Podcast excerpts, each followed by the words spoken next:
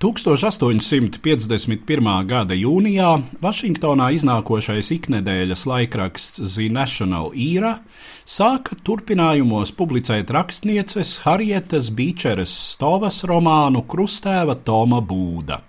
Laikraksts bija ar abolicionisma ievirzi, respektīvi tas iestājās pret Savienoto valstu dienvidos joprojām pastāvošo melnādaino verdzību. Romāns tēloja verdzību kā amorālu un nehumānu, ar kristietības ētiku nesavienojamu institūtu. Romāna apjoms un sižetiskais izvērsums krietni pārsniedza sākotnējo ieceri, liela bija arī lasītāju atsaucība.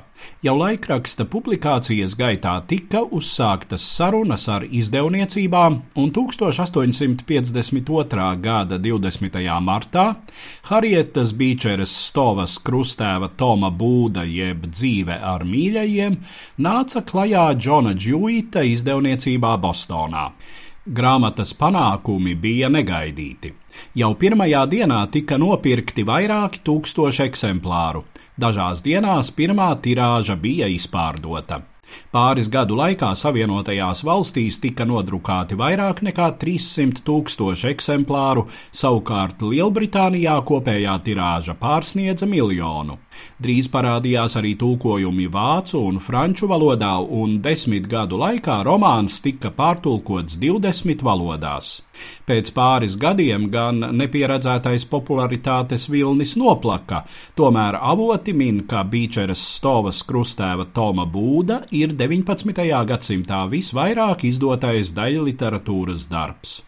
Romāna centrālais tēls ir melnādainais vergs tēvocis Toms. Gados pavecais vīrs ir īsts kristīgas pacietības un lēnprātības iemiesojums, kura krietnumu un apgarotību novērtē arī daži no viņa baltādainajiem saimniekiem. Tomēr tēvoča Toma liktenis izrādās traģisks. Galu galā viņš nonāk romāna galvenā ļaundara, Luizjānas plantatora Saimona Legrī īpašumā. Šis vergturis nevar pieņemt, ka melnādainais ir intelektuāli pilnvērtīga personība, ētiskā ziņā pat nepārprotami pārāks par savu īpašnieku. Legrīd dara visu, lai morāli iznīcinātu tēvoci Tomu, un, kad tas neizdodas, atrod iemeslu viņu sadistiski nogalināt.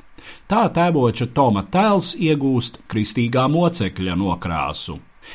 Līdzās titulvaronim romāns tēlo arī citus melnādainos vergus, un ne visiem viņiem raksturīga tāda samierināšanās un pacietība. Verdzene Elīza aizbēg, kad īpašnieki grasās pārdot prom viņas vienīgo bērnu.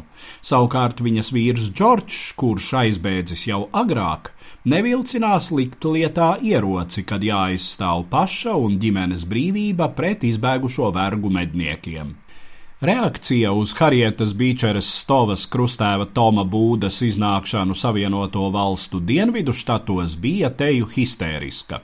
Autorei sūtīja draudu vēstules, romānu dēvēja par melīgu un netikumīgu, no dienvidu dzīves īstenības neko nejēdzošas ziemeļnieces sacerējumu.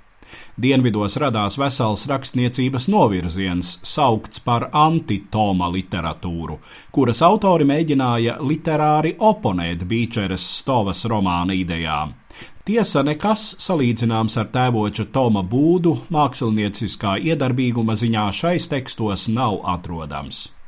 Bīčere Stova tikusi kritizēta arī vēlāk par pārlieku sentimentalizētu un schematisku tēlojumu un primitīviem raksturiem, kas veido kaut pozitīvu, taču klišejisku priekšstatu par melnādainajiem amerikāņiem. Tomēr mūsdienās Harietas Bīčeras stovas krustēva Toma Būda tiek vērtēta kā nozīmīgs darbs, kas iemieso 19. gadsimta emancipācijas idejas un ir iedvesmojis līdzīgu sabiedrības apziņu aktivizējošu darbu tapšanu vēlākos laikos. Stāstīja Eduards Liniņš.